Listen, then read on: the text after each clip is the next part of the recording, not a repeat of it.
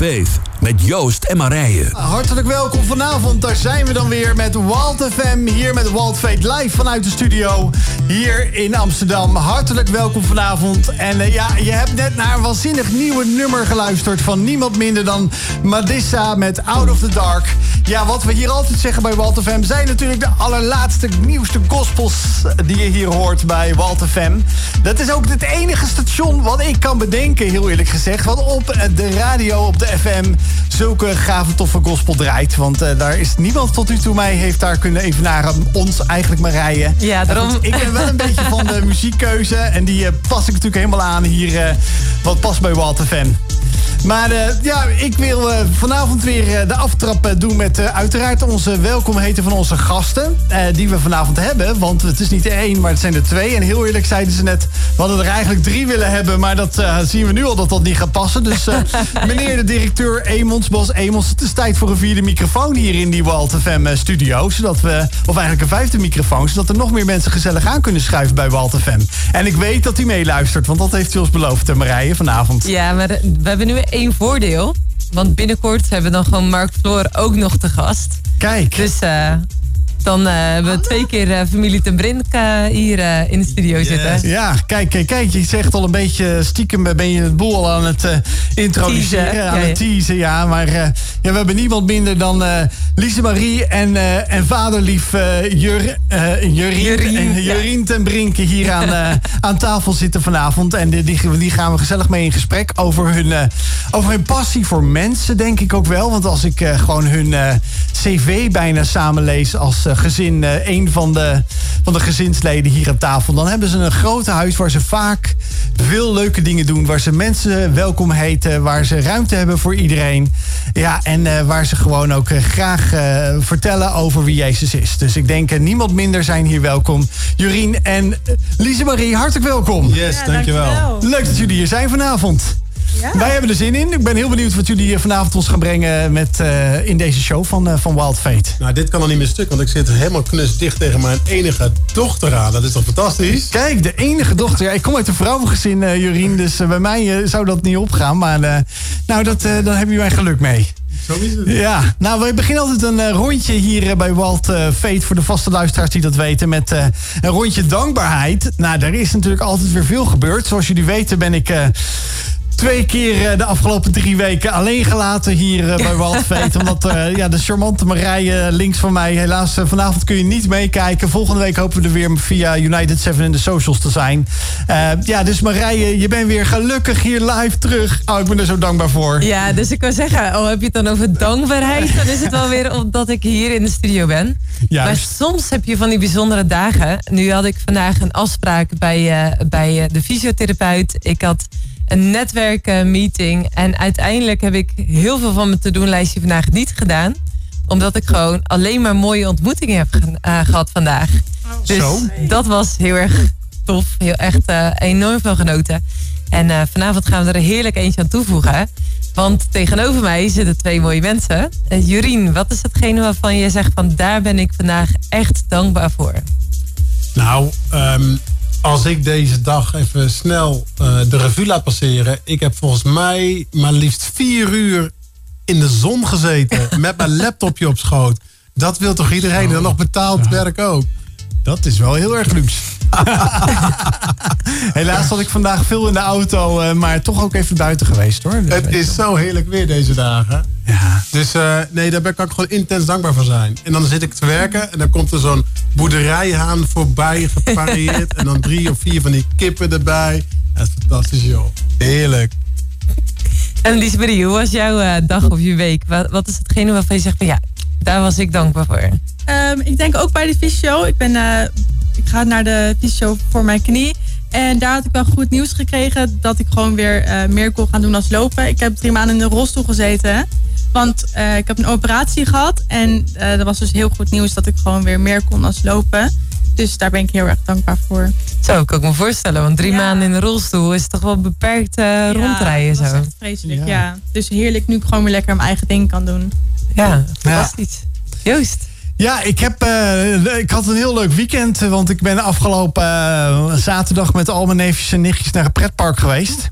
Aangezien mijn broer en zussen daar niet zoveel van houden. Dus die hebben gezegd, geen enkel probleem dat jij alle neefjes en nichtjes samen met mijn gezin meeneemt naar een pretpark. Dus het was geen haan met hennen, maar het was Joost met een aantal neefjes en nichtjes. Ja, en we waren echt versleten als gezin na het einde. Want we hadden niet gedacht in de leeftijd van uh, 6 uh, tot uh, 11. Hè? Dus acht, acht neefjes en nichtjes meegenomen. Oh, en, maar het was een uitje van hun leven, zoals ze zelf zeggen. Echt, dit, we hebben geschiedenis geschreven, werd er gezegd bij ons thuis uiteindelijk. Dus dat was een heel erg leuk, leuk dankbaarheidspunt. Want dat is natuurlijk eigenlijk ook niet, niet voor niks dat je dankbaar bent ja, dat, dat, dat kan en dat dat mag. Dus uh, daar ben ik heel erg blij mee.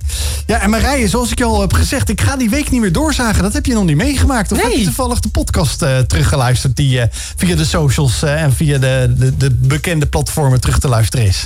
Dat is me nog niet gelukt. Maar ik hoorde oh. wel dat het een hele toffe uitzending was met Hanna. Ja, Dus als je nu ook als luisteraar denkt, oh, daar ben ik ook debet aan. haak ook even aan bij de podcast Wild Fate.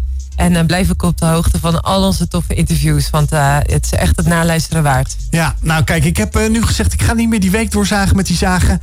Maar ik ga gewoon wat leuke feitjes. Want dat is altijd toch wel een beetje... dat hoort een beetje bij radio. Dat je denkt, vandaag 23 maart 2022. Maar wat gebeurde er nou in het verleden? Nou, dan denken we misschien aan 1948.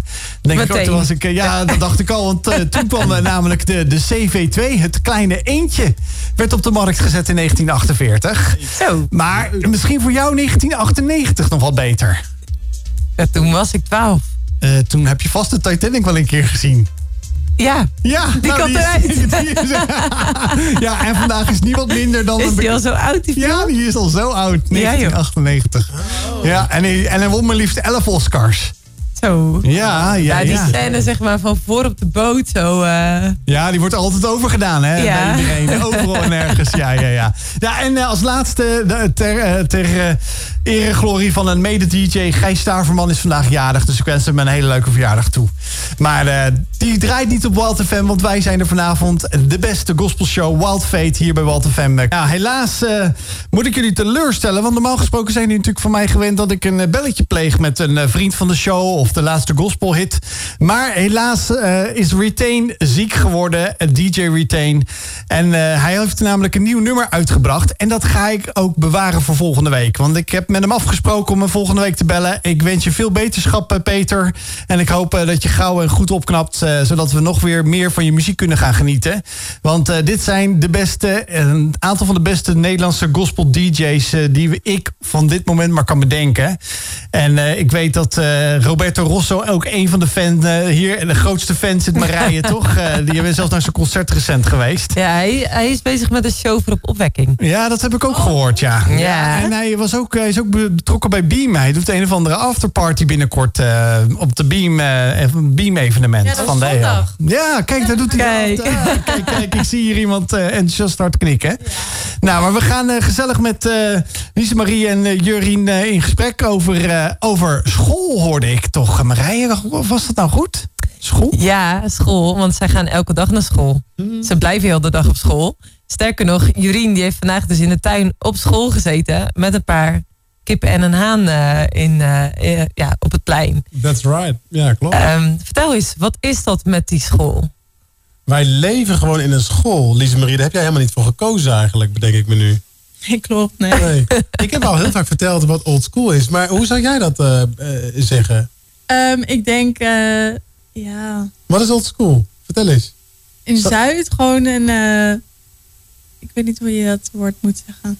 Het is een verbouwde basisschool. Wij okay. wonen in een verbouwde basisschool. Vijf jaar geleden gekocht van de gemeente Apeldoorn.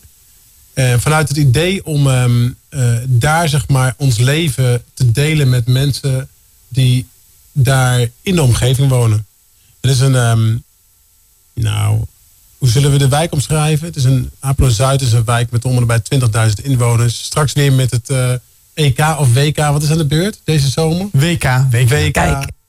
Kijk, met het WK is straks alles weer oranje gekleurd. Weet je wel, zo'n wijk is dat. Met uh, in de tuin. We vinden dat helemaal geweldig. Het ons kent ons uh, wijkje. Ja, dat is echt... Daar hou ik ook van. Daar heb ik ook gewoond. In zo'n soort van wijk. En in die verbouwde basisschool wonen wij als gezin. We hebben dat gekocht van de gemeente Apeldoorn. Een stichting opgezet. Uh, stichting Old School. En um, wij wonen achterin. Het middelste gedeelte van die school Dat was vroeger denk ik de gemeenschapsruimte waar je uh, als klasse bij elkaar kwam en dan liedjes gezingen, denk ik. Of uh, mededelingen van de directeur kreeg. Daar hebben we een huiskamer van gemaakt voor de wijk. En, en wat betekent dat voor de wijk? Um, nou, we doen allerlei activiteiten. Daar kan ik zo wel even iets over vertellen. Maar even om het af te maken wat dan die, het gebouw is. Aan de voorkant hebben we een aantal woonunits... waar een aantal mensen samen met ons wonen. Waaronder een gezin die een aantal tieners opvangt. En met elkaar zijn we een soort simple community in die school. Nou, dan concreet, uh, uh, wat doen we daar vanuit de stichting?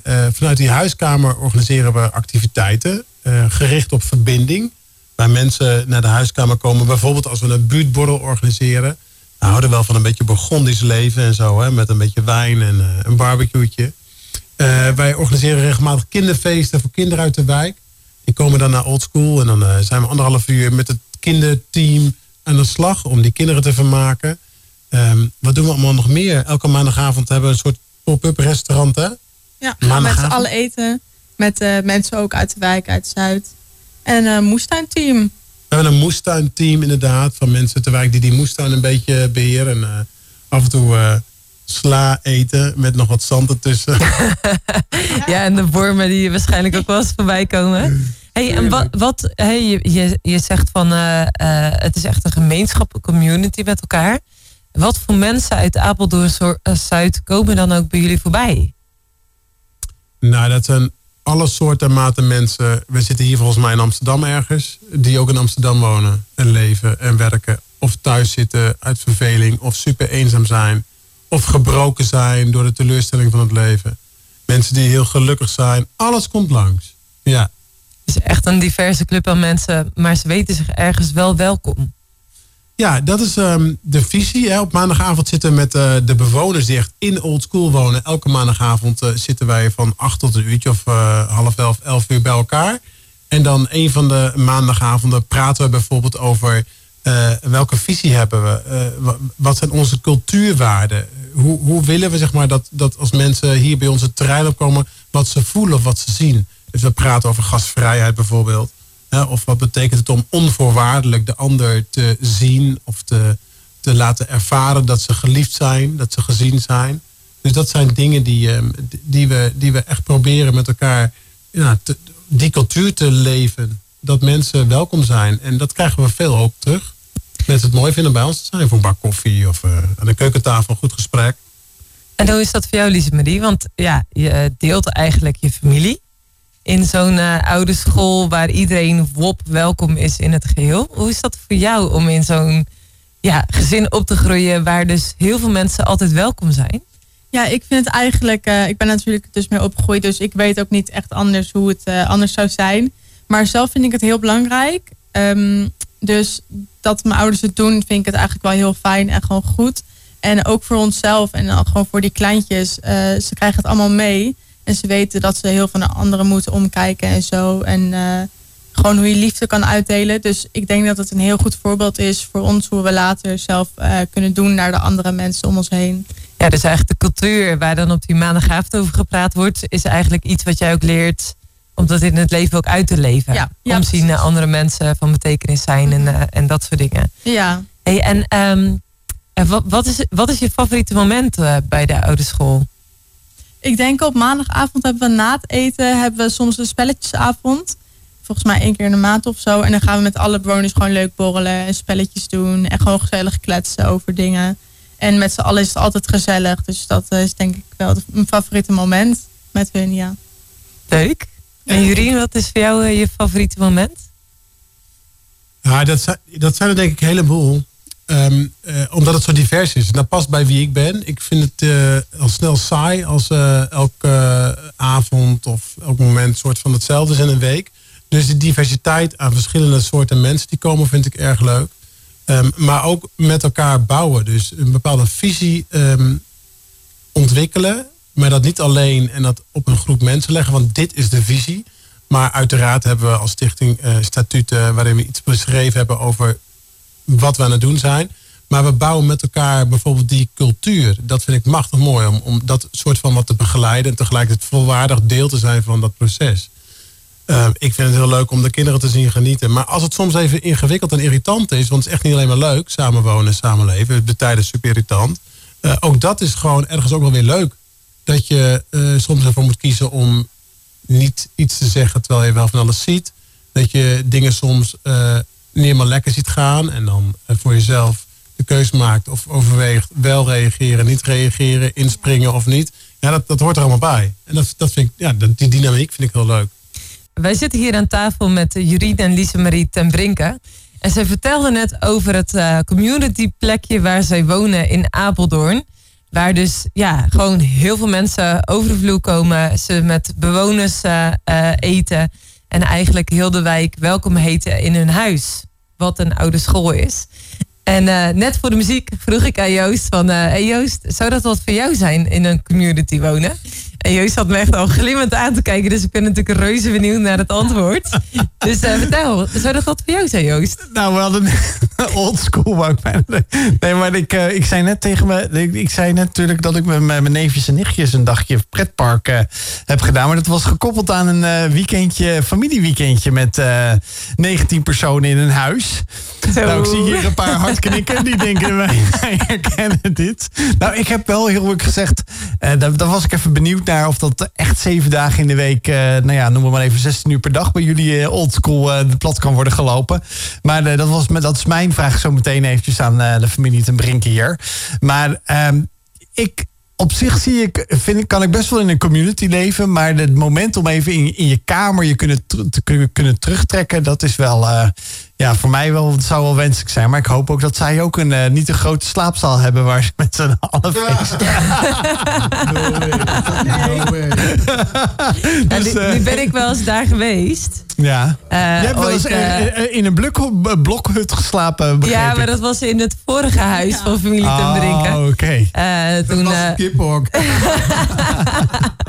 en die haan maar paroderen en zo. Ja, zo ja. S ochtends vroeg om vier uur wakker. Ik hoor het alweer. Ja.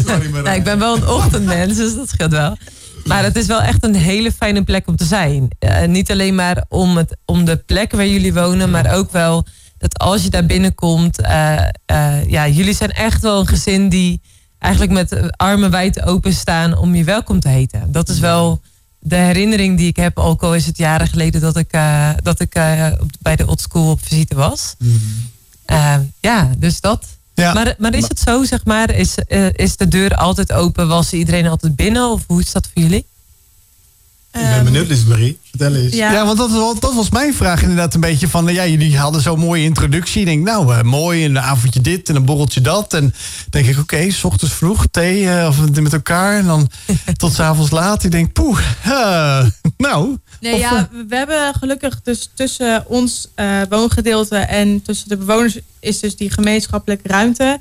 En die deuren zitten gewoon altijd dicht, dat we ook in onze eigen woongedeelte echt onze eigen plek hebben. En dat daar niet gewoon iedereen uh, elke dag uh, of elk moment van de dag gewoon naar ons toe kan lopen en zo. Want we vinden het ook belangrijk dat we als gezin veel doen. En dat we bijvoorbeeld s ochtends willen we met, uh, nou, wil, wil jij papa, die wil dan elke ochtend met z'n allen eten. Dat we wel een moment hebben echt met elkaar als gezin. En die momentjes zijn er echt wel genoeg. Maar wel altijd staat de deur open en ja, en dat, en dat gezin bestaat uit twaalf personen, begreep ik net uh, toen jullie binnenkwamen. Of niet? Uh, ik zie uh, oh die, die naam. nee, het zijn, het zijn zes kinderen ja, en een papa mama, maar allemaal de dubbele namen. Dus... Kijk. Dus Lise Marie is het enige meisje. Maar ze hadden twee mooie meidennamen, dus we dachten we noemen jou Lise Marie.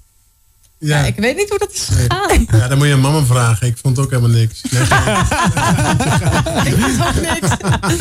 Maar dat, word je thuis ook zo in volledig in altijd met je hele naam genoemd? Uh, nee, het is, uh, nee, het is alleen Lies. En als ik... Uh, straf als, als ik een probleem heb, is ja. mijn hele doopnaam. Oké, okay. je hele paspoort. Dat zijn er drie. Dat zijn er drie.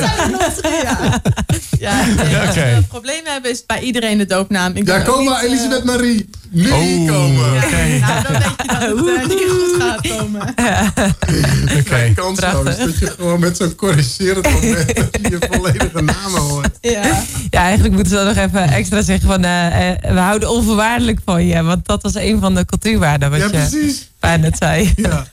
ja. Oh, nee, maar het is natuurlijk wel zoeken. Hè? Van, um, Janet en ik um, praten regelmatig wel daarover van uh, oeh, misschien was deze week even iets te veel. Weet je, dat is natuurlijk wel, je, je kiest er wel voor om een deel van je van je week echt gewoon ook daar te zijn en mensen te ontmoeten.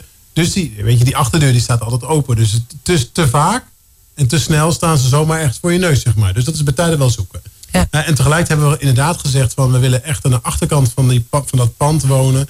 Ook gewoon je privacy hebben. We hebben een groot landbouwhek gemaakt uh, bij de, onze uh, opgang, zeg maar, waar je bij onze terrein op komt. Van als die dicht zit, dan is het gewoon, weet je, dan is het weekend. Dan is dat een extra blokkade voor mensen om als het ware binnen te komen. Maar ehm, je, je leert ook wel assertief zijn. Hè? Want regelmatig staan de mensen aan de deur. En als we bijvoorbeeld de bijkeukendeur op, op de knip doen, op slot doen. Uh, en mensen aan de voordeur, dan is het ook bij tijden echt wel. Ik zeg, joh, uh, het komt nu niet uit, zo even een afspraak maken. Veelal ben ik op maandag en vrijdag bij Old School.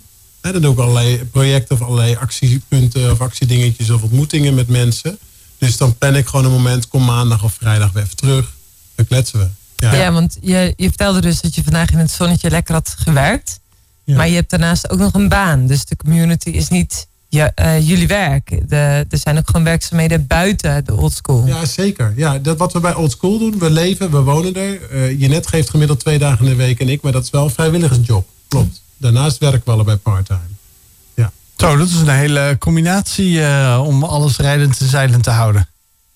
Ja, nee, dat is het ook wel. Dus mijn chaotische, creatieve kant, die, die, die, die zorgt soms voor eh, heel veel dynamiek. En tegelijk heb ik een gestructureerde kant en die zorgt er ook voor dat het wel te doen is. Op dinsdag, woensdag en donderdag werk ik bij een um, ontwikkelingsorganisatie.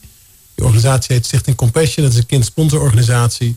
Daar werk ik al, uh, nou, volgens mij bijna 20 jaar. Over de zeg ik nou, dat is echt zo. Maar um, dat vind ik ook heel mooi, want het heeft alles te maken met uh, waarvoor ik me geroepen weet om um, zoveel mogelijk van mijn tijd en mijn talent te willen geven voor de kwetsbare medemens. En dat kan ik heel mooi ehm, ook binnen Compassion, uh, nou ja, laten ontwikkelen. Hoe zeg je dat? Gewoon uh, uitvoeren. Ja, en dat laat je sowieso in het dagelijks leven nu zien met Old School, met het gebouw waar jullie in leven. Ja, we hebben bijvoorbeeld een alfa-cursus, die doen we sinds september. Um, wat, wat is een alfa-cursus? Een alfa-cursus is een cursus waarin mensen die geïnteresseerd zijn in het christelijk geloof een periode van een x aantal avonden of ochtenden um, bij elkaar komen en met elkaar in gesprek zijn over een aantal thema's rondom geloven. Wie is God? Wat betekent geloven? Wat is de functie van de kerk? Uh, hoe ga ik om met gebrokenheid, uh, met schuld, vergeving, weet je, dat soort thema's. Hele mooie uh, cursus, dat doen we sinds september op zondagochtend. Maar als ik dan de kring rondkijk, dat zijn om en bij 15 mensen denk ik, dan dan kennen we ze allemaal inmiddels ook uh, persoonlijk. Hè, omdat je de afgelopen jaren natuurlijk aan het bouwen bent geweest rondom die relatie.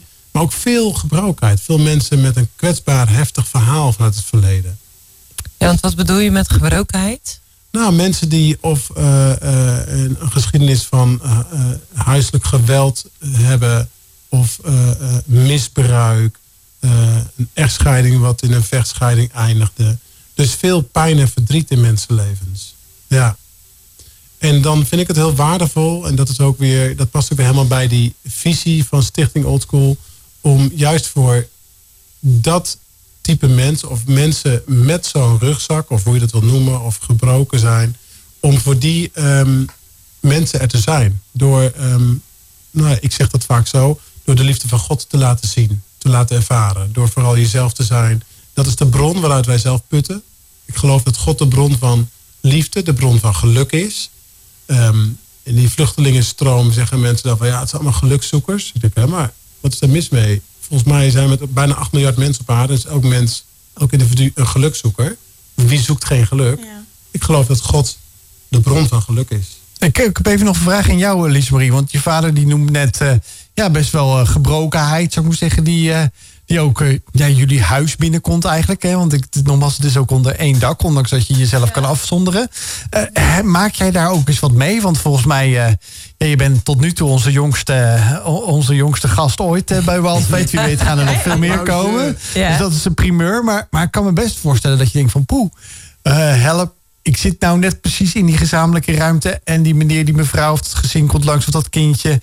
En die begint zo'n verhaal dat best wel uh, impact heeft op mij. Hoe, hoe, of misschien komt het helemaal niet voor, maar hoe ga je dan daarmee om?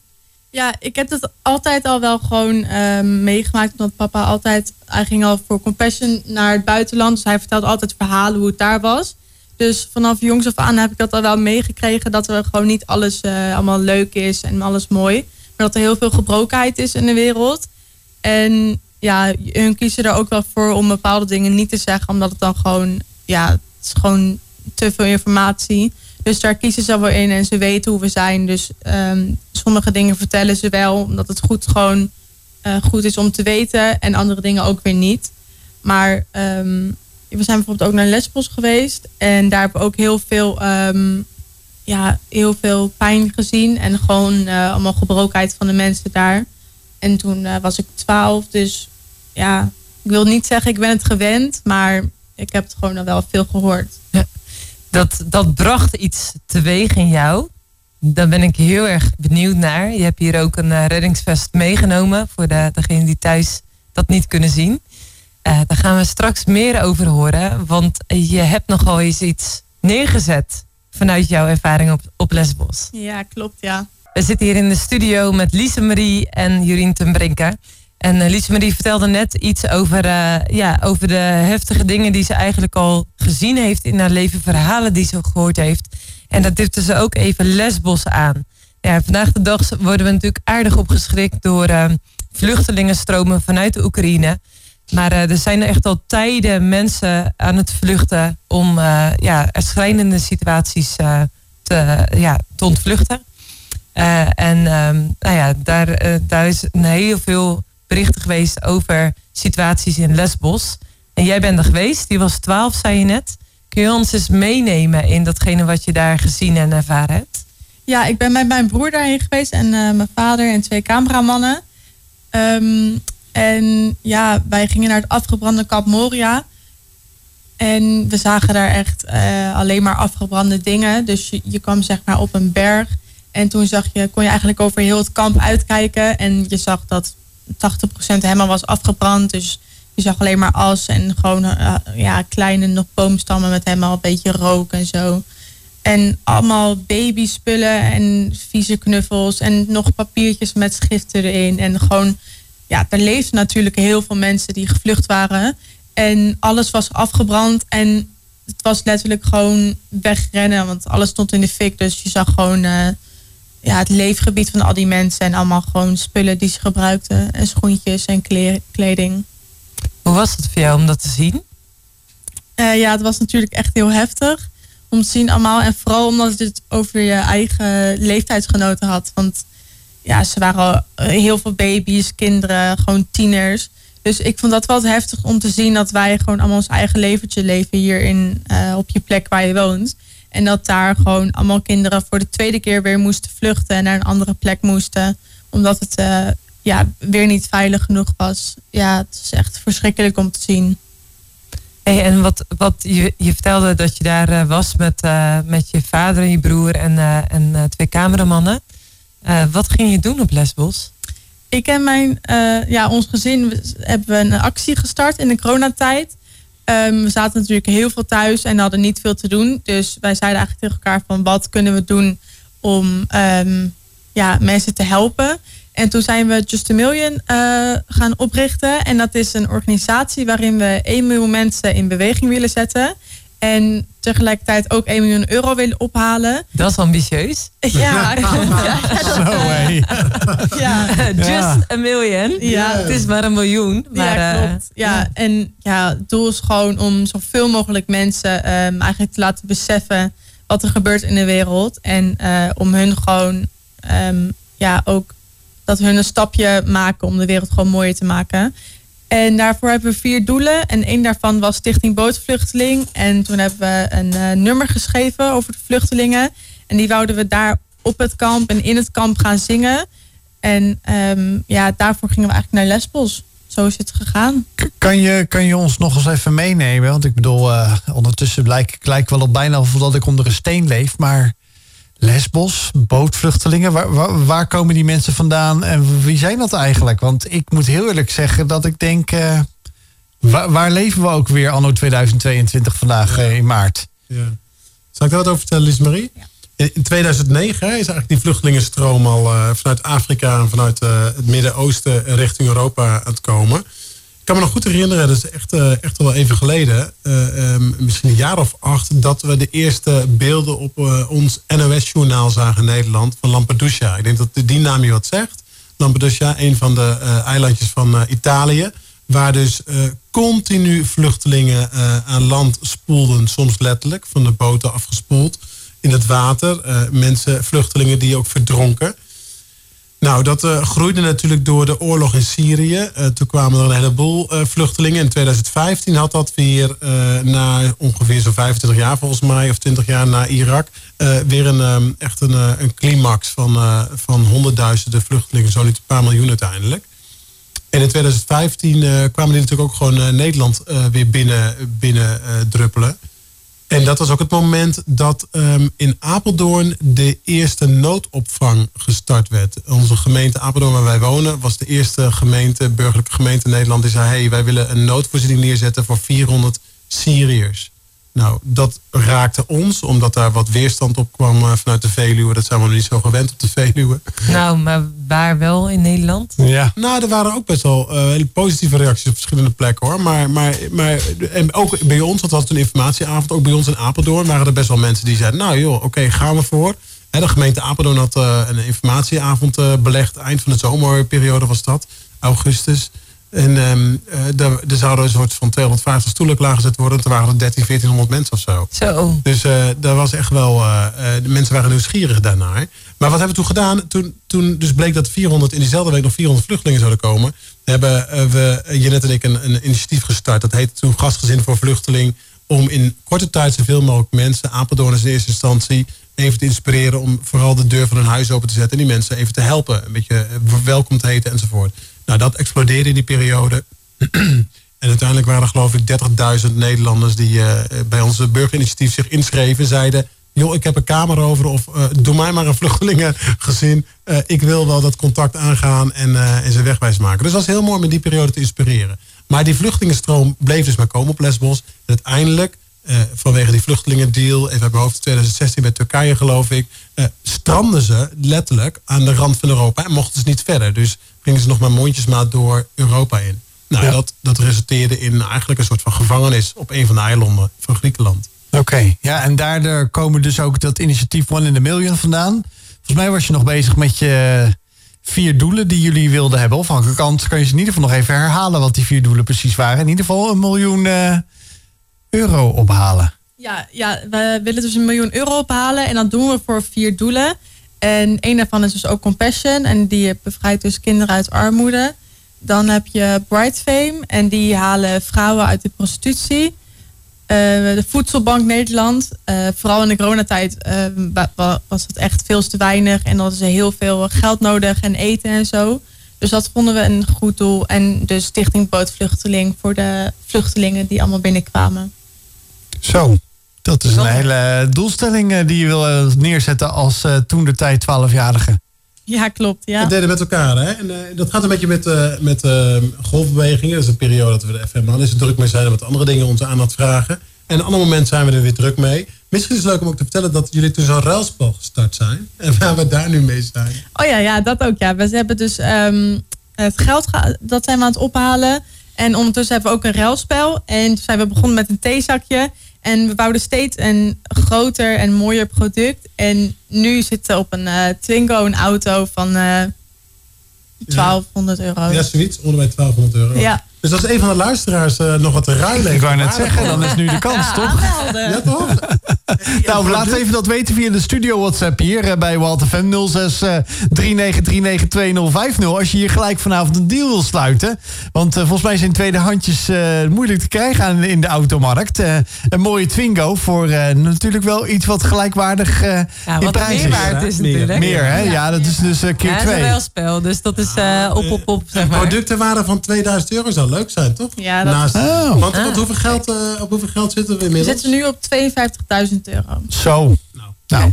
Leuk begin. Dat is, ja, uh, dat is 5% uh, ja. van, uh, van de, de miljoen. Ja, maar ik was er nog eigenlijk heel even benieuwd. we zitten nou veel te veel alweer in het, in het doen. Want eigenlijk denk ik wel van, ik denk 12-jarigen die naar zo'n ja, heuvel indrukwekkende plek gaat. Indrukwekkende plek gaat, die echt leed ziet. Misschien, jij ja, zegt, ik heb het van mijn vader gehoord. Uh, maar dan kom je er zelf met, uh, met je broer, een van je broers. Ja. Uh, ja, je vader is natuurlijk wel degene die, die, die nou ja, onder wie zijn vleugels je bent. Maar toch, je eigen indruk. Wat, wat, wat zijn de eerste dingen die misschien je niet eens hebt uitgesproken... maar wel door je hoofd gingen? Um ja, al die gedachten van kinderen, dat, dat ging heel erg gewoon door mijn hoofd. Ja, hoe ze daar allemaal weg moesten gaan en hoe ze daar gewoon leefden. Het is echt niet te vergelijken met gewoon uh, de tieners van nu hier in Nederland tegenwoordig. Dat denk ik het meeste. Ja, en dat kwam eigenlijk ook doordat je de impact zag van er is niks meer en dan komen toch die kleertjes, die, die, die, uh, die knuffels die, die, die je zag liggen. Ja, ja, en dat je gewoon natuurlijk al vanaf je eigen land weg moest vluchten. En dan ben je daar, dan moet je opeens maar gewoon daar gaan leven. En dan moet je weer, is alles weer weg. Weer. Ja. En, en heb je zo onwerkelijk. Als je, ja. Uh, nou ja, dat is voor elk mens denk ik zo. Mhm. Dat je denkt, in nood moet je vluchten. Je kunt een heel comfortabel leven hebben gehad daar in Syrië. Maar omdat je dus ja, bij je leven bedreigd wordt of gewoon gezegd je moet oprotten, uh, moet je vluchten. Ja. Dus van, van je normale huisje, boompje, beestje, relaxed leven, kom je opeens in een situatie waarin je echt gewoon niks meer hebt. Ja. En dan jouw confrontatie met het feit dat ze nog een keer moesten vluchten, alleen dan voor ja, vuur. Ja. Ja, dan denk je echt van ja. Ja. Ja, ik weet echt niet hun gedachten dan. Echt ongelooflijk. Wij, wij hebben toen ehm, eh, we hebben een mini-documentaire gemaakt, hè, waarin uh, jullie je verhaal vertellen. Eigenlijk naar aanleiding van deze vragen ook uh, die Joost stelt. Ja. En ik kan me herinneren dat een van jouw eerste, um, dat je in tranen bij mij stond en iets zei in de trant van papa, dit kan toch niet? Dit kan niet waar zijn, dit kan niet de wereld zijn. Dat, hier kunnen geen mensen leven. Het was ook wel apocalyptisch. Ik ben in heel veel sloppenwijken wereldwijd geweest inmiddels. Maar dit was een sloppenwijk in een soort olijfboomgaard Mhm. Maar waar de mensen niet meer waren. De sloppenwijk is altijd maximaal overvol. Te veel mensen op een te kleine plek. En hier zag je alles nog, zeg maar. De hutjes, de, de, nou ja, de, de, de spullen die gebruikt werden. Alleen het was zwart geblakerd inderdaad. En er was geen leven meer. Dat was heel, een hele vreemde gewaarwording. Ja. Ja, en dan, uh, dan kom je opeens uh, nou ja, tot de conclusie... we gaan hiermee aan de slag. Of was dat eigenlijk al voordat jullie weggingen... dat de actie One in a Million, dat dat al um, in het hoofd was voordat jullie weggingen. Dus dat is naar aanleiding van, dat is dus inderdaad de, de kracht van uh, er, er zelf naartoe gaan en het uh, zelf ervaren. Ja, we gingen dat nummer schrijven um, over gewoon over die vluchtelingen. Want dat was het doel, Stichting, uh, Stichting Bootvluchteling. En toen zeiden we van, ik denk dat we het veel meer kunnen ervaren als we zelf op die plek staan. En gewoon zien hoe het daar allemaal is. En gewoon echt mensen gewoon vragen kunnen stellen en zo. En toen, um, ja, toen, toen, heb, toen gingen we er gewoon heen. Ja. En, en one in a million.nl kunnen mensen daar just million. A million. Just a million.nl kunnen mensen meer informatie ook vinden, ja, neem ik aan. Zeker. Ja, en daar kan je ook meteen doneren en daar vind je nog heel veel meer informatie aan. Ja, en Just a Million kun je ook die Twingo uh, zeggen... die wil ik ruilen voor een groter uh, item uh, van ongeveer 2000 euro. Misschien een nieuwe MacBook Pro of zo. Die, ja, dat ja, die 2000 euro waard is. Zoiets. Ja, toch? Nou, dat is zeker een goed idee. Ik zou zeggen, ga lekker even naar de website... En zorg dat ze vanavond gewoon met weer 1, 2, 3, 4, 5, 6, 7, 10.000 euro verder op de teller staan. Yes richting Just a Million. Terwijl we hier in gesprek zijn met uh, en uh, Lise-Marie uh, ten Brinke. Ze hebben aan het begin van deze show verteld wat hun drive is. En dat is vooral mensen ontmoeten. En een centraal punt oldschool zeggen ze dan bij ons. Het lijkt alsof ik echt oldschool aan het praten ben. maar gewoon oldschool is het project waar ze mee bezig zijn. En dat is in Apeldoorn-Zuid. In een heerlijke volksbuurt waar ze een oude school helemaal ter, voor een voor een derde deel, moet ik eigenlijk zeggen, ter beschikking stellen voor de wijk. Om daar gewoon mensen te ontmoeten. Om heerlijk gewoon uh, een leuke wijkborrel te hebben. Nou, we denken hier altijd aan de vrijdagmiddagborrel. Nou, dan blijkbaar hebben we ze daar bij de oldschool een gezellige wijkborrel. Elke en maar dag om vijf uur. Elke, oh, kijk, kijk, kijk, kijk. Ga naar de plek waar je moet wezen. Ga naar oldschool. Nee, ja, want, want Jurien zei net van, we doen niet echt veel op onze website. Op de socials moet je ons volgen.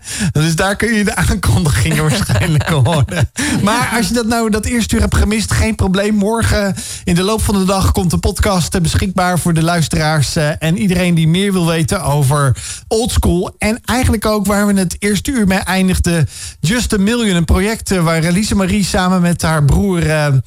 Uh, uh, even kijken, Mark Floor uh, mee bezig is. En ze zijn naar Lesbos gegaan samen met hun vader. Twee cameramannen, geen regisseur, geen geluidsman. Dus dan mis ik al gelijk een beetje mezelf. Maar gelukkig is er wel geluid opgenomen, hoop ik. De volgende keer, de volgende keer met Joost mee, ja, hoor je me niet vissen. Ja, het, was een het, was een cameraman en een regisseur slash fotograaf inderdaad. Kijk. Oh, ja, geluidsman. Gelukkig maar. Maar daar vertelde Lise Marie eigenlijk dat ze op 12-jarige leeftijd uh, ja, meegegaan is, meegenomen is. En dat was naar aanleiding van, uh, van Just a Million, uh, de, een project wat ze hebben opgezet. En die heeft vier doelstellingen. kun je ze nog eens een keer herhalen voor de luisteraar die nu net pas inhaakt hier bij Walt Fate op Walt FM, Lise Marie? Ja, tuurlijk. Um, de eerste is Bright Fame. En dat is een organisatie die vrouwen uit de prostitutie haalt. Um, dan heb je Compassion en uh, die bevrijden kinderen uit de armoede. Dan heb je de Voedselbank Nederland. En dat was vooral in de coronatijd uh, echt heel erg belangrijk. Omdat ze um, veel uh, geld tekort hadden en Stichting Bootvluchteling. En daarvoor zijn we naar Lesbos geweest. Ja, want het is jammer dat we vanavond, uh, helaas United 7 had echt een externe afspraak. Binnenkort hopen we hier gewoon standaard camera's in de, in de studio te hebben. Met visual radio, zodat je altijd mee kunt kijken. Maar uh, mij um, bewoog even ook echt wel in mijn hoofd en in mijn hart toen jij met die uh, met dat reddingsvest hier binnen, binnenkwam, uh, Lise Marie. Want dat zegt ook wat dat je dat meeneemt. Dat is niet om te zeggen van uh, leuk, we gaan varen hier waar nergens water te, te krijgen is. Dus je hebt dat ook meegenomen met een doel vanaf Lesbos, neem ik aan. Of niet? Of heb je dat niet meegenomen terug naar Nederland? Ja, die, die, die heb ik een keer. Ik ben een paar keer geweest op Lesbos. Dus de laatste keer met Mark Floor en Lise Marie um, waren die reddingsvesten niet meer op die stranden te vinden. Maar die eerste jaren liep je echt over de reddingsvesten zeg maar, het water in. Dus die stranden die waren bezaaid met honderdduizenden reddingsvesten. En een van die reddingsvesten die ik uh, tijdens ons tweede bezoek op Lesbos uh, daar uh, vond, daar stond op de achterkant geschreven Rien de plus. Dat is Frans en dat staat voor niets meer hebben of geen tranen meer. En dat raakte mij in het bijzonder. Dat je dus ervoor moet kiezen om te vluchten. En met dat je vlucht, je huis, misschien wel je auto of misschien wel een deel van je familie, wat dan ook, dat wat je zo dierbaar is en wat je zo lief hebt, achterlaat of meeneemt, om vervolgens te vluchten, maar blijkbaar al zoveel meegemaakt hebben dat je op je reddingsvest op je rug schrijft: Ik heb geen tranen meer, ik heb niks meer. En dat is denk ik ook precies de reden waarom we dit soort dingen doen. Natuurlijk, we doen het als gezin, maar het heeft ook alles te maken met, um, met ons geloof, denk ik, in een God. Ik zei dat eerder vanavond, dat we geloven dat God de bron van liefde is. En dat zoveel mensen op zoek zijn, op zoek zijn naar dat geluk, naar, naar liefde. Ja, en, en er is heel veel liefdeloosheid natuurlijk in onze samenleving, in onze wereld. Maar gelukkig ook nog heel veel liefde. Dus als ik iets van liefde ervaar bij de ander dan zie ik daarin iets van wie God is. En ik heb ook heel veel vaders en moeders in de ogen gekeken tijdens die reizen die we gemaakt hebben voor Compassion. Um, waarin je gewoon de wanhoop zag in de, in de ogen van papa's en mama's. Zo van, ik, ik kan eigenlijk niet goed voor mijn kind zorgen. Ik zou zoveel beter voor mijn kind willen zorgen dan op deze plek waar ik ben, hier in deze sloppenwijk. Dus dat, dat verdriet of die wanhoop, dat gaat gewoon in je hart zitten. Dus wij kunnen heel, volgens mij heel, Lies Marie, heel goed genieten. Hè? We, wat we zeiden net voor de grap, zo, nou, we houden van Bourgondisch leven en zo. Dat hebben we ook, heb ik persoonlijk ook echt wel geleerd. Maar het is ook die andere kant. Een hele kwetsbare wereld vol met mensen die veel of die nou, die een vorm van verdriet ervaren of pijn met zich meedragen. En ehm, dat laat je gewoon niet meer los. Dus het is wel bijzonder dat je hart niet verhard is in de twintig jaar dat je zegt van hè, ik kom dus binnen Sloppenwijken. Uh, ik zie heel veel ellende, ik zie heel veel leed. En eigenlijk zoek je het in Nederland ook op. Uh, door verbinding aan te gaan met mensen die eenzaam zijn, die het moeilijk hebben, die veel meegemaakt hebben. En je hart is dus niet verhard.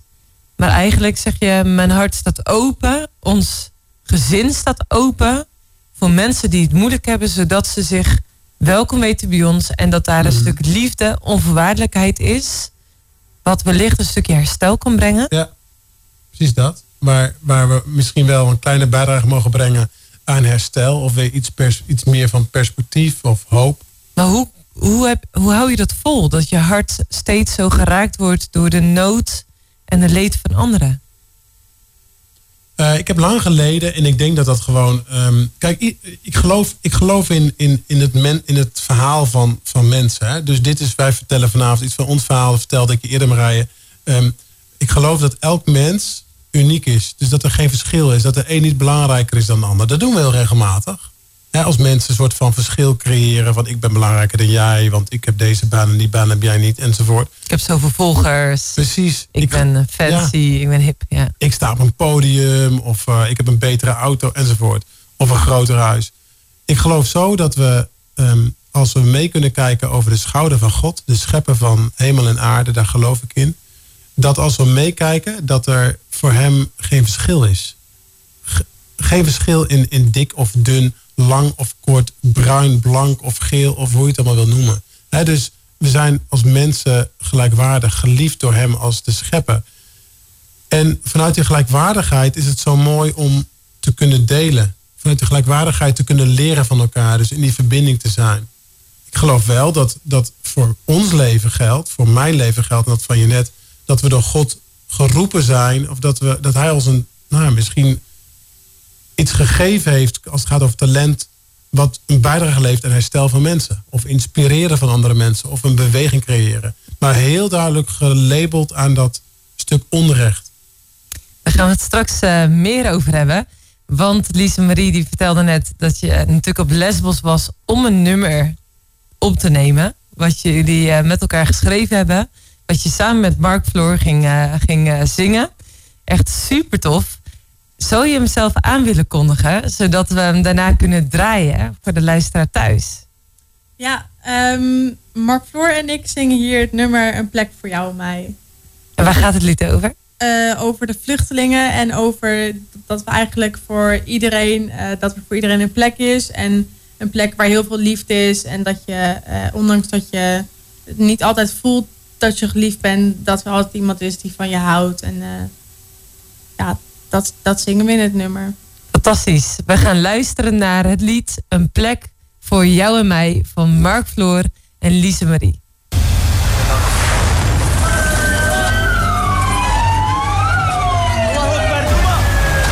This is why half Syria's population has fled.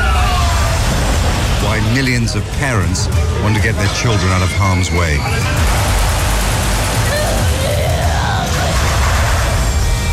This is the sound of a country in chaos.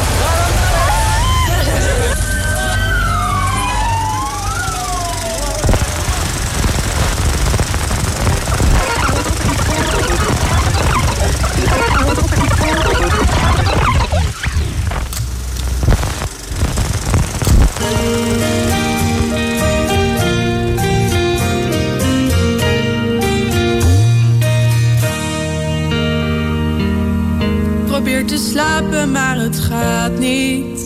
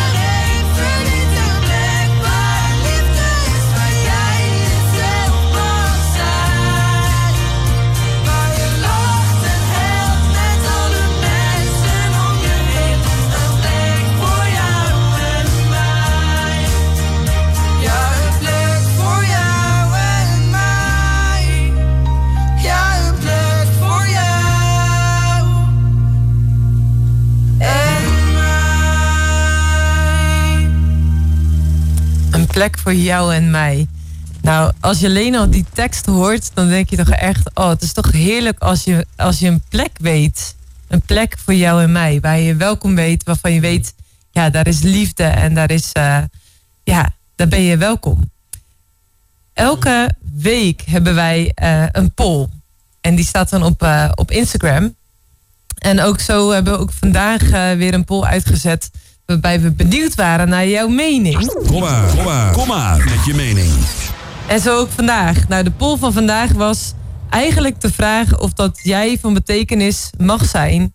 Uh, of eerder ook moet zijn uh, voor een ander in nood. Um, en daar hebben we reacties op gekregen. En iedereen zei volmondig: ja, jij moet van betekenis zijn voor een ander in nood. Dat is eigenlijk wel heel tof, want dat sluit eigenlijk aan bij hetgene wat jullie ook doen als gezin. Uh, waarvan net ook verteld werd van hè, wat is dan ook die beweegreden om dus ook van betekenis zijn voor een ander in nood. Maar ik kan me zo voorstellen dat er luisteraar nu denkt: ja, hè, je moet van betekenis zijn voor een ander in nood. Maar waar begin je? Gewoon als je alleen al naar de brandhaarden kijkt op dit moment in de wereld. Op het NOS komt niet alles voorbij aan de nood in deze wereld. Er zijn nog veel meer noden dan het nieuws kan uh, hebben. Um, dus hoe, hoe kunnen mensen dan van betekenis zijn voor iemand in nood? Kun je daar uh, ons eens meenemen, Jurien? Ja, zeker. ik geloof persoonlijk dat het uh, alles te maken heeft met wie jij bent als mens. Hoe jij bent gemaakt door God. Hè? Ik zei dat eerder vanavond. Ik geloof dat God schepper van het leven is. Dat hij jou en mij gemaakt heeft. En dat je talent van hem gekregen hebt. En het leuke is, dat vind ik echt wel een, um, een, uh, een cadeau. En dat is tegelijk ook fascinerend aan, aan de schepping. Dat, dat 9 van de 10 keer, zo niet alle keren, mensen het leuk vinden om met hun talent bezig te zijn. Dat verder te ontwikkelen. Dus als het gaat over van betekenis zijn, uh, zeg ik heel vaak dat kijk naar dat wat je gekregen hebt. Welk talent je gekregen hebt. En zet dat in, in, in het van betekenis zijn. Als je het leuk vindt om gastvrij te zijn of voor mensen te zorgen, dan is het toch fantastisch om de deur van je huis open te zetten en je buurman of je buurvrouw een keer voor een bakje koffie uit te nodigen. Als je dat leuk vindt, moet je dat vooral doen. Nou, ik doe liever een verbouwing dan dat ik mensen vraag om uh, koffie en thee uh, uh, in een lijstje zeg maar, te verzamelen dan dat te brengen. Want 9 van de 10 keer heeft dan de persoon die thee vraagt, heeft koffie. en de persoon die wijn wil, die heeft dan bier, weet je. Ik ben er niet goed in. Ik, dat iedere keer weer, en dan vraag je net weer van, wil jij het even doen? Ik, oh, helpen. Opschrijven, een notitieboekje. Ja. Maar goed, dus talent. Hè? Dus dat, vind ik denk een, dat is denk ik een heel belangrijk ding. En, ja, ik heb jaren best wel, in mijn tienertijd was ik wat radicaal. Ik, dat ben ik ook wel een beetje verleerd. Dus dat moeten, van moet je van betekenis zijn ik vind het mooier om te zeggen, als je jezelf, je, als jij je laat raken door het verhaal van de ander, dat zet in beweging. Dus is dat een verhaal waar een bepaalde nood of een hulpvraag in doorklinkt? Nou, ik geloof dat wij mensen gemaakt zijn. Je had het net over nou ja, dat je niet verhardt of zo als het gaat over het uh, onrecht in de wereld. Ik geloof dat wij mensen gemaakt zijn met een ziel, met gevoel, met verstand. Dus als je je laat raken en gewoon goed luistert naar het verhaal van de ander, dan, dan is er heel snel connectie. En dan kun je in de connectie, in de verbinding met de ander, uh, zomaar uh, de ander een schouderklop geven. Of een huk, het mag weer. Of een knipoog. Weet je, een knipoog in de klas, dat zeg ik ook heel veel regelmatig tegen die tienerkinderen van mij. Als het gaat over van betekenis zijn, niet iedereen hoeft naar lesbos. Dat is natuurlijk, dat is natuurlijk onzin. Maar je kunt in de klas al zo van betekenis te zijn door de andere knipoog te geven. Dat kan net datgene zijn wat de ander nodig heeft om te ervaren of te weten, te voelen. Hé, hey, ik mag er ook zijn. Ik word gezien. En dat klein, klinkt misschien wat, wat lullig kinderachtig, maar ik ben daar zo van overtuigd dat het in het kleine al zo groot is. Ja, dat is wel heel tof. Ik, uh, ik zit op dit moment in een appgroep en dat heet A Simple Act of Kindness. Ja, precies dat. En een van de dingen die dan, uh, er komt elke dag een opdracht in naar voren. Dus een, een hele simpele daad van vriendelijkheid die je naar iemand kunt doen om zo van betekenis te zijn. En zo was van de week dus de opdracht om iemand uit te nodigen om te komen eten. En een van die dames die ook in de groep zit, die, uh, die zei van, ah, ik heb bij de buurvrouw of iemand in de straat, die vrouw is weduwe geworden, dat wist ze überhaupt al. Ik bedoel, dat is vandaag de dag niet vanzelfsprekend dat we weten wat er allemaal bij mensen in de straat gebeurt. En ze had dus een briefje uh, door de brievenbus heen gedaan van buurvrouw. Uh, ik zou graag willen uitnodigen om een keer te komen eten bij ons uh, thuis. En die mevrouw had binnen een kwartier opgebeld, want ze had een mobiele nummer erbij gezet. Ja. Van bel maar op om een afspraak te maken. En die vrouw was echt zo overdonderd en vond het echt fantastisch dat ze een keer langs mocht komen. En toen dacht ik echt, ja, juist ook met ja, onze maatschappij. In hoe dat we individualistisch zijn, uh, polarisatie, noem al dat soort thema's maar op. Ja.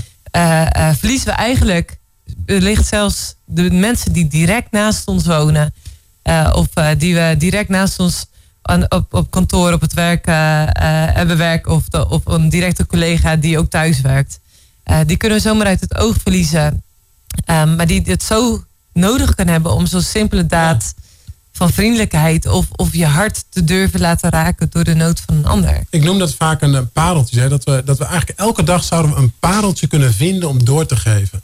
Dat is dit. Dus dat is een kleine act of love waarin je zeg maar ehm, in het klein gewoon voor jezelf kan bedenken. Hé, hey, wat zou ik vandaag van betekenis kunnen zijn? We hadden een paar weken geleden dat gesprek met uh, een, uh, een jongen bij jou uit jouw netwerk op school. Waar jij last van had, Lise Marie. En uiteindelijk hadden we daar een gesprek over. En toen hadden we in dat gesprek zoiets maar wat, wat is nou de achtergrond van irritant gedrag? En toen uh, nodigde ik eigenlijk jou uit van, joh, ga eens checken bij hem. en dat heb je toen gedaan. En toen bleek daar een heel verhaal achter te zitten. Thuis, van, van, van verdriet, van um, een familielid met uh, die, Lies Marie, die, die ziek was of zo was het toch? Ja, zijn moeder en vader. Ja, beide, beide gewoon met uitdagingen.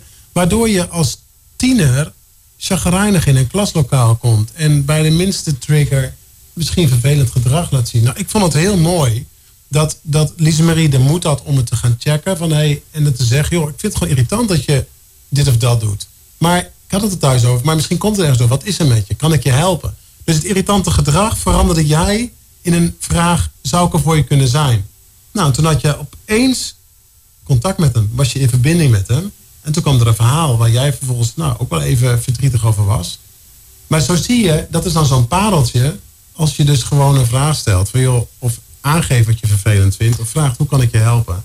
Ik ben ook even heel benieuwd, uh, Jurien. De, de, het, het olie-effect van old school bijvoorbeeld. Hè? Want je noemt nou een heel mooi voorbeeld van je dochter. Maar, maar ook bijvoorbeeld uh, ja, de, de wijk die jullie in principe willen bedienen. Maar komen er gek genoeg gezegd ook meer mensen uit Apeldoorn die weten vanuit Noord, Zuidoost, uh, die denken van we moeten, of sorry, West, we moeten naar Zuid, want daar is blijkbaar een plek waar ik gehoord kan worden? Of, of valt dat nog mee? Of is dat niet zo, omdat daar andere initiatieven zijn?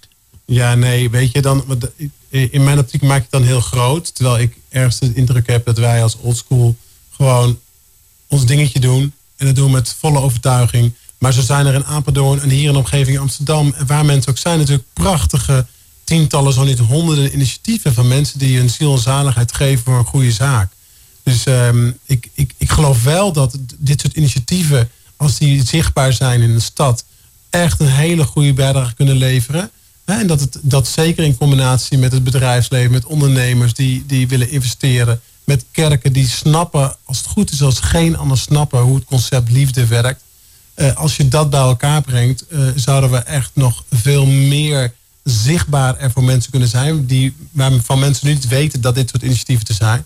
Maar ik zie ook uh, een hele mooie voetbalclub. Waar mijn derde zoon bij voetbalt in de selectie. Daar gaat hij helemaal voor. Heeft weinig tot niks met muziek. Weet je, Lies Marie en Mark Floor, onze oudste, hebben veel met muziek. En wij als ouders ook, maar onze derde Jan Jaap helemaal niet. Maar die gaat helemaal voor die voetbal. Dat is eigenlijk zijn kerk. Dat is helemaal zijn leven. En die hebben net zo goed, er zijn twee trainers. Vier avonden. Volgens mij zijn het er vier, hè? Vier middagen of avonden geven zij hun talent en tijd voor die gasten, man. Nou, ik heb zoveel respect voor die twee voetbalcoaches... die elke keer maar weer daar staan de blauwbek op zaterdag... en die gasten van ons uh, proberen tot een betere voetballer te krijgen. Nou, dat, dat is ook een plek van liefde. Ja. Ik, ik hoor je wel uh, een beetje zelf ook oproepen... en ik denk dat dat misschien wel of niet uh, herkenbaar is... in uh, dat we te veel in een samenleving gedrukt zijn of onszelf te indrukken van uh, me, myself en I, oneerbiedig gezegd. En ik vond Marije wel uh, frappant van wie ken je nog in je, in je buurt. Heel eerlijk gezegd, ik woon vijf jaar in een blokje in de, in de Randstad in een, in de stad. En er zitten zes, zes huizen aan elkaar. En ik weet eigenlijk, ik weet wel wie de de laatste is van de hoek waar ik op woon. Hmm. Maar eigenlijk heb ik die mensen nog nooit gesproken. dat is en dat is, dus, dat is dus, dat is dus eventjes onderbiedig gezegd 50 meter van mijn eigen huis. Maar dat is eigenlijk heel jammer. Ik, ik, vind het heel jammer. En nou ben ik wel iemand die waar het kan altijd een gesprekje aan wil knopen. Maar dat ik dan niet zo zou zeggen, ik ga naar de voordeur omdat ik per se iets moet. Maar wel van, ja, als ik iemand wij spreken zijn, uh, zijn groene of zijn grijze bak buiten zie zetten. Of eventjes in de tuin zie lopen of zo. Dan zou ik altijd zeggen van, uh, hoe gaat het met u en uh, waar bent u mee bezig? Maar ik zie dat alleen al als een verschil dat zegt, dat zegt dus ook bijvoorbeeld ook eh, collega's die zeggen... als ik op straat loop, dan zegt eigenlijk iedereen hallo tegen me. Het lijkt een beetje een soort van buiten de Randstad idee. Maar uh, in de Randstad durf je bijna niet hallo te zeggen. Want als je zegt s'avonds op straat zo lopen en je zegt hallo, goedenavond... dan denk ik zo, oh nee, wat, wat wegwezen. Deze man zegt, ja. die praat tegen mij. Weet je nee, maar, maar dat is dus heel, eigenlijk heel leuk. Dat, zou je, dat patroon kun je dus volgens mij vrij makkelijk doorbreken... door bewijzen van uh, met je gezinnetje of met je geliefde een afspraak te maken. Laten, wij, laten we gewoon eens even zo'n act of love. Laten we gewoon even met elkaar wat verzinnen. Waar we even een paar uur voor gezinnen. Het kost dus iets. Hè? Dat vind ik ook interessant bij mezelf. Voortdurend. Het kost iets. En de vraag is allereerst van... Wil ik die tijd, want dat is volgens mij ons meest, volgens mij ons meest kostbare hè, op dit moment. Wil ik iets van mijn bezit delen? Dat is dus tijd met dus zo'n rijtje van zes huizen. Door bewijzen van een briefje te schrijven. Hé hey jongens, ik zou het erg leuk vinden om eens een keer wat samen te organiseren. Uh, vijf opties kruisen aan wat jij het leuk zou vinden om te doen met elkaar. Ja. En je gaat het gewoon even doen. En ik zal je garanderen, misschien is dat de reden waarom we vanavond hier zitten. Voor jou? Nee, voor mij? Ja, dat zou zo kunnen. Nee, maar, maar, maar, check het eens. Het zou ja. zomaar kunnen zijn dat dat dus... Per definitie krijg je meer verbinding met je mensen in je straat. Ja, maar ik vind het wel heel frappant. Ik denk dat dat ook wel een stukje kern is. Tijd. Dat, dat, de tijd is heel kostbaar. En de tijd die je dochter maakt en je zoon om, om alleen al naar lesbos te gaan. Je kan zeggen, ja, we hadden ook lekker uh, op de bank kunnen hangen op de zitzakken en uh, kunnen gamen. Maar we maken tijd om dus uh, dat vliegtuig in te stappen. Om, dat om dat te gaan, gaan zien. En daadwerkelijk ook niet zeer beleven. Want dat vind ik eigenlijk bijna te oneerbiedig. Maar wel gewoon te absorberen. Van, van wacht even, er is meer in deze wereld. Ja, dus we zijn, met, een missie, dan, ja, we zijn met een missie gegaan. Want wat je anders gaat zitten doen, ga je zitten kijken naar het leed van een ander. En dat is natuurlijk een hele kwalijke zaak. Dus we hebben heel erg gezegd, we gaan met een missie om vervolgens dit verhaal te delen en een grote platform te geven, waardoor meer mensen in beweging komen. Want dat is wat we willen. En dat vind ik tegelijkertijd ook wel pijnlijk. En het, het zoeken hoor, ook gewoon als ouder, want we hebben ook best wel boze reacties gekregen. Ben je gestoord, joh, dat je twee kinderen meeneemt naar zo'n plek waar je niet moet zijn? Dat mensen het gewoon pedagogisch zeer onverantwoord vonden dat ik mijn jonge kinderen meenam naar zo'n plek. Ja, Jeannette en ik zitten daar echt anders in. Wij geloven dat als we dit soort dingen doen, natuurlijk moet je daarover nadenken, maar dat dat juist een bijdrage levert aan het relativeren als ze wat ouder worden. Van hé, hey, maar mijn leefwereld is een van de zoveel. En laat die nou heel anders eruit zien. Wij behoren bij de 4% rijksten van de totale wereldbevolking. Met het feit dat jouw wieg in Nederland geboren is, hoor je bij de 4% rijkste van de totale wereldbevolking. Dat betekent dat 96% in deze wereld anders leeft dan jij en ik. Ja, dat is een goede, ontnuchterende gewaarwording. Wij gingen, dit, wij gingen twee jaar niet op, uh, op, uh, op vakantie in de voorjaarsvakantie. De wintersport. De wintersportvakantie. Vanwege corona konden je doen we altijd met je netfamilie. Super luxe. Maar vervolgens zeggen we tegen elkaar, maar hallo, wij behoren bij de 2% van de wereld die überhaupt op vakantie gaat.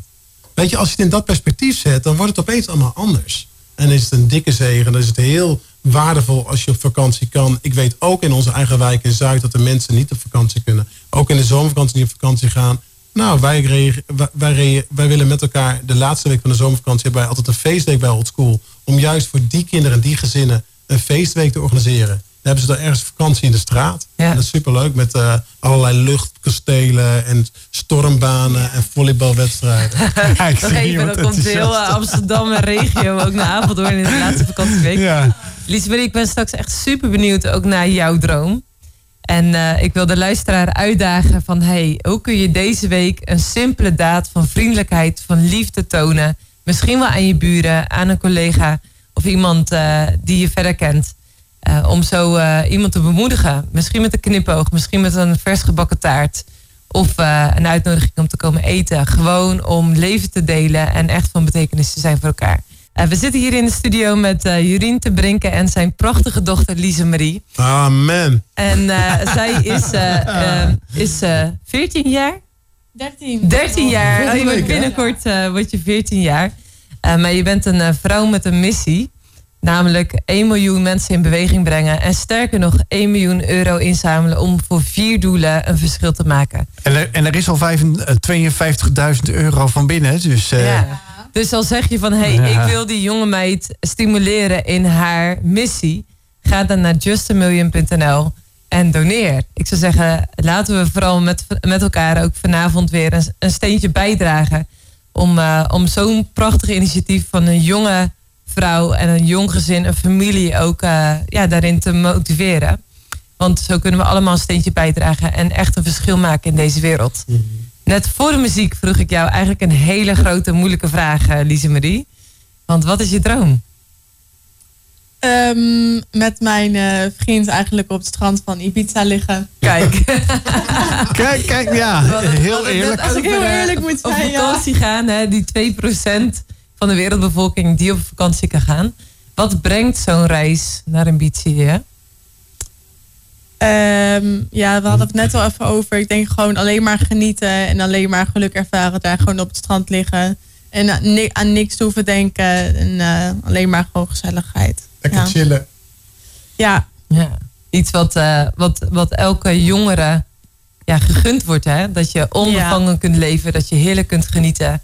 Dat je naar school kunt gaan. Dat je je persoonlijk kunt ontwikkelen. Dat je dromen hebt. Ja, precies. Ja, ja. dat stukje. Maar ik denk, ik denk misschien ook wel een beetje, uh, als ik denk van wat voor een druk er ook op jongeren ook tegenwoordig wel weer niet wordt gelegd. Op, uh, uh, op schoolprestatie, ja. prestatiedruk, maar ook gewoon op de socials. Hoe leef je je leven? Laat het niet mooier zijn dan dat het is eigenlijk. Maar dat is natuurlijk allemaal van foto's zien we mooie dingen. Maar aan de achterkant gaat er soms ook veel meer schel dan je denkt. Maar het is een heel eerlijke antwoord, vind ik wel, van Lise Marie.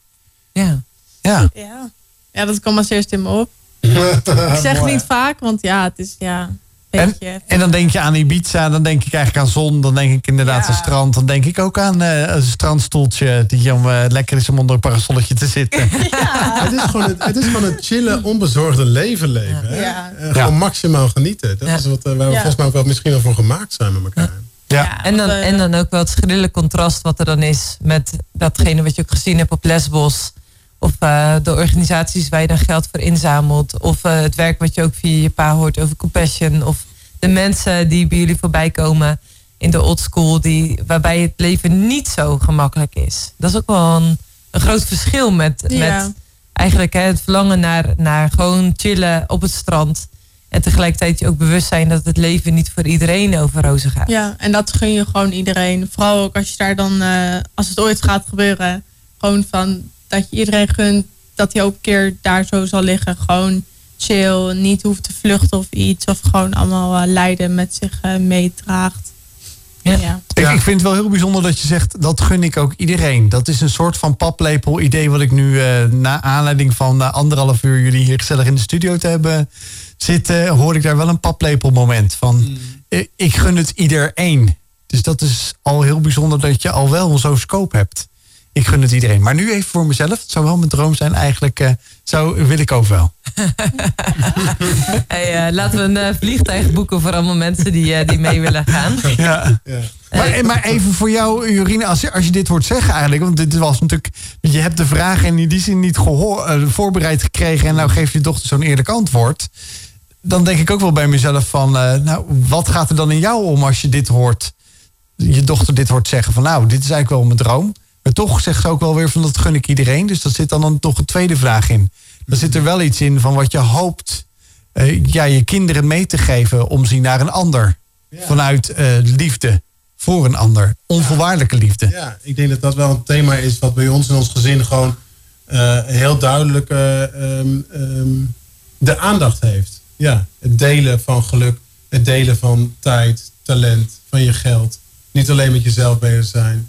Maar wel in balans, denk ik. En dat kun je natuurlijk beter aan Lies Marie vragen. Maar ik, ik, ik, laat ik het zo zeggen. Jeannette ik, wij proberen in dat wat we mogen bijdragen... ook wel dat echt in balans te laten zijn.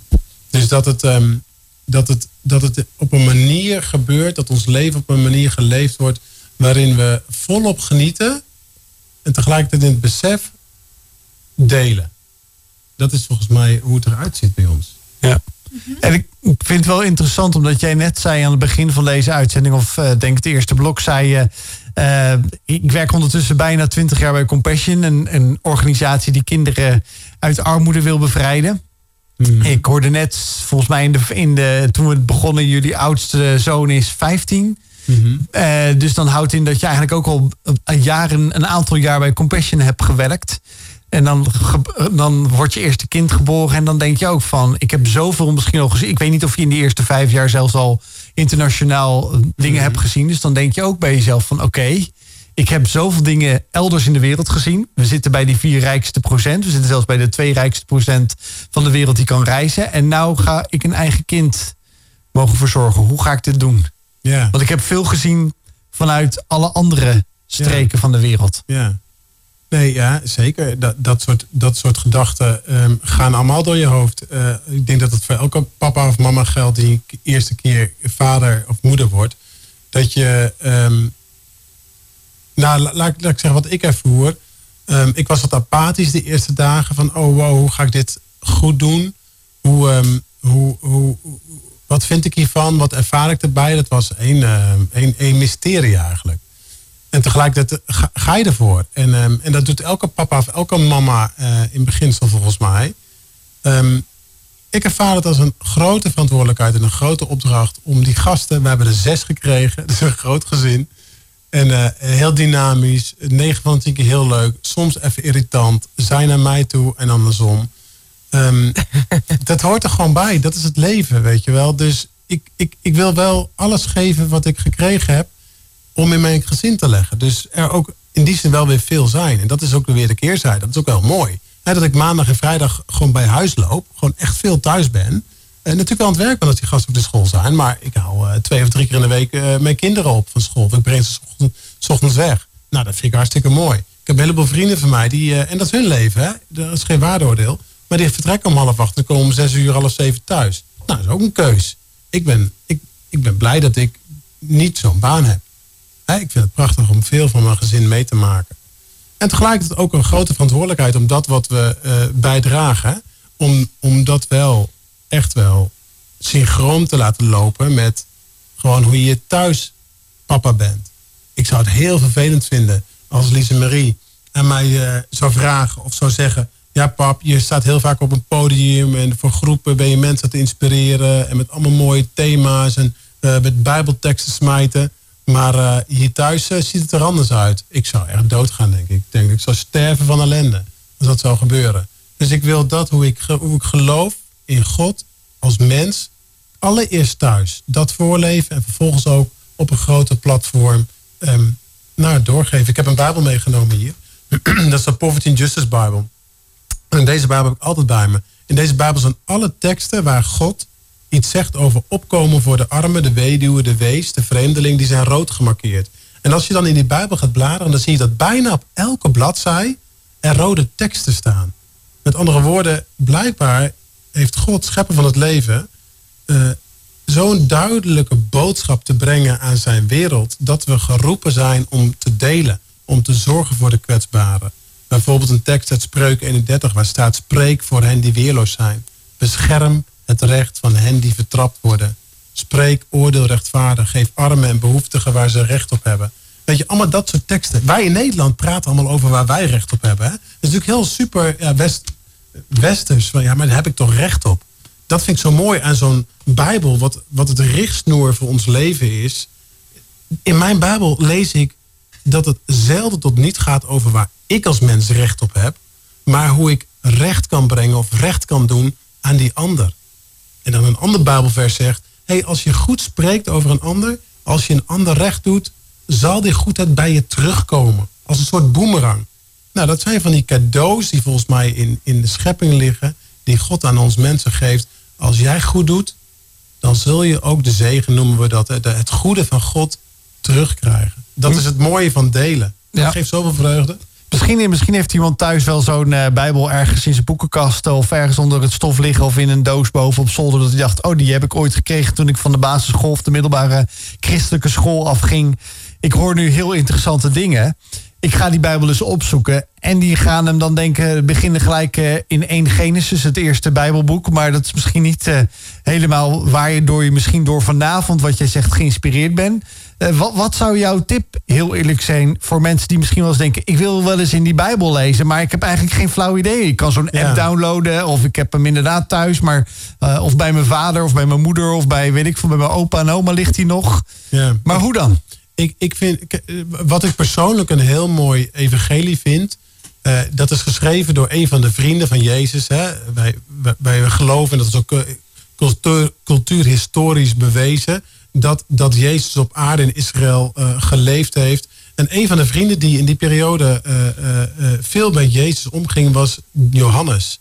En het evangelie van Johannes vind ik een heel mooi evangelie. Hij wordt ook genoemd de, de, de, de, de vriend van Jezus die, die veel geschreven heeft over liefde. dus het concept liefde heeft Johannes heel mooi, heel mooi uitgelegd.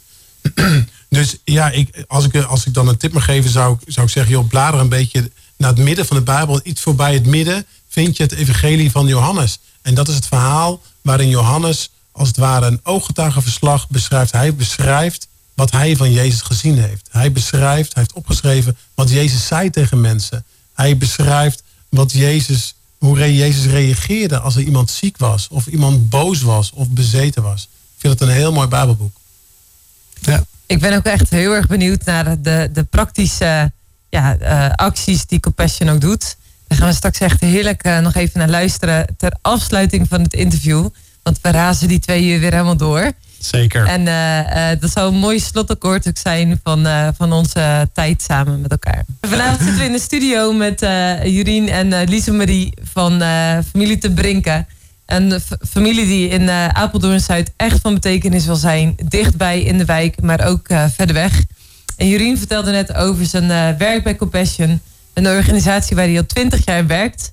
waar heel zijn hart en zaligheid ook ligt om verschil te maken voor kinderen in armoede. En uh, nou, ik wilde vanavond uh, afsluiten, of wij wilden vanavond afsluiten met nog heel even blik op die organisatie. Want Just a Million zamelt ook geld in, wil mensen in beweging zetten uh, voor deze prachtige organisatie. Jurien, wat doet Compassion? Ja, Compassion is een, is een club die eigenlijk niets anders doet dan lokale kerken wereldwijd ondersteunen. Zodat de lokale kerk het verschil maakt en kinderen helpt die in extreme armoede leven dat zijn natuurlijk ongelooflijk veel kinderen. Uh, even uit mijn hoofd. 365 miljoen kinderen leven in extreme armoede. Dus 20 keer Nederland. Ja, oh, dat weet ik niet eens. 20 keer. Uh, oh, qua aantallen bedoel je? Ja, ja 365 uh, miljoen. Ja, bizar. Uh, en, en, en dat zijn dan kinderen die zeg maar. En dat zijn dan kinderen, even uit mijn hoofd, onder de vijf jaar zelfs nog. En die dan leven in extreme armoede. En wij hebben wereldwijd met z'n allen afgesproken, mondiaal, van wanneer leeft men nu in extreme armoede. Dat doe je als je moet zien rond te komen van uh, minder dan 1,90 dollar per dag. En dan gaat dan ongeveer een dollar veelal af voor het hutje waar je als gezinnetje in woont. Dus hou je nou ja, nog een kleine dollar over om je gezinnetje van eten te voorzien en alles wat daarbij komt kijken. Ja, dat is een uh, broodje kroket, zeg maar. Nee, nog niet eens. ja, nog niet eens.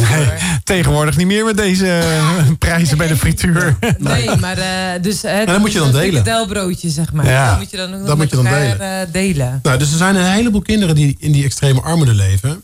En wat wij als Compassion doen, is die kinderen helpen door ze naar een Compassion project te laten gaan. Waar ze leren lezen en schrijven, aanvullende maaltijden krijgen. Als ze ziek worden, worden ze geholpen, kunnen ze naar het ziekenhuis. En wij zoeken in Nederland, als een van de partnerorganisaties, sponsors, zodat je een kind kan ondersteunen die naar zo'n compassion project gaat. En dat is prachtig. Dus daarmee maak je echt het verschil. Omdat je dus uh, en voedsel regelt en scholing, zodat kinderen ook echt uit die uh, cirkel van extreme armoede kunnen Precies dat, ja. ja. Het is een grote organisatie. Wereldwijd uh, kunnen we inmiddels meer dan 2 miljoen kinderen helpen. Dus dat is machtig mooi.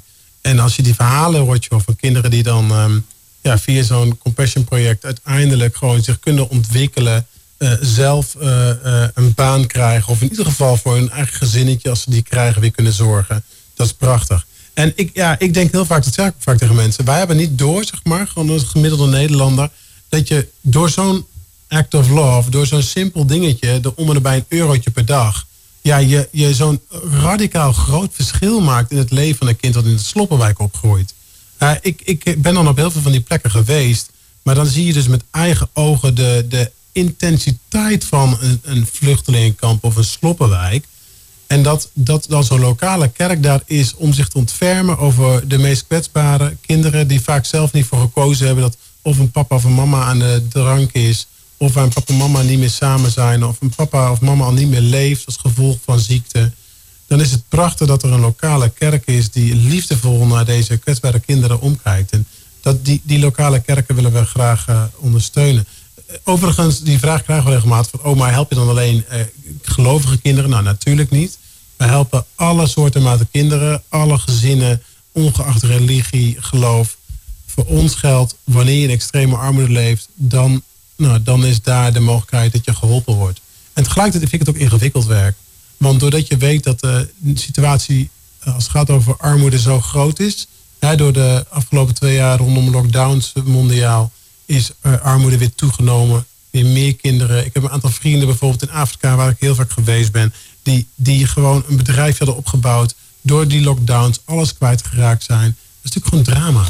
Echt ja. super ingewikkeld. Ja. Ja, moeder Teresa, misschien wel bekend. Die heeft daar een prachtige uitspraak over gedaan. Die zegt, het is nooit een druppel op een gloeiende plaat. Maar een druppel in een emmer.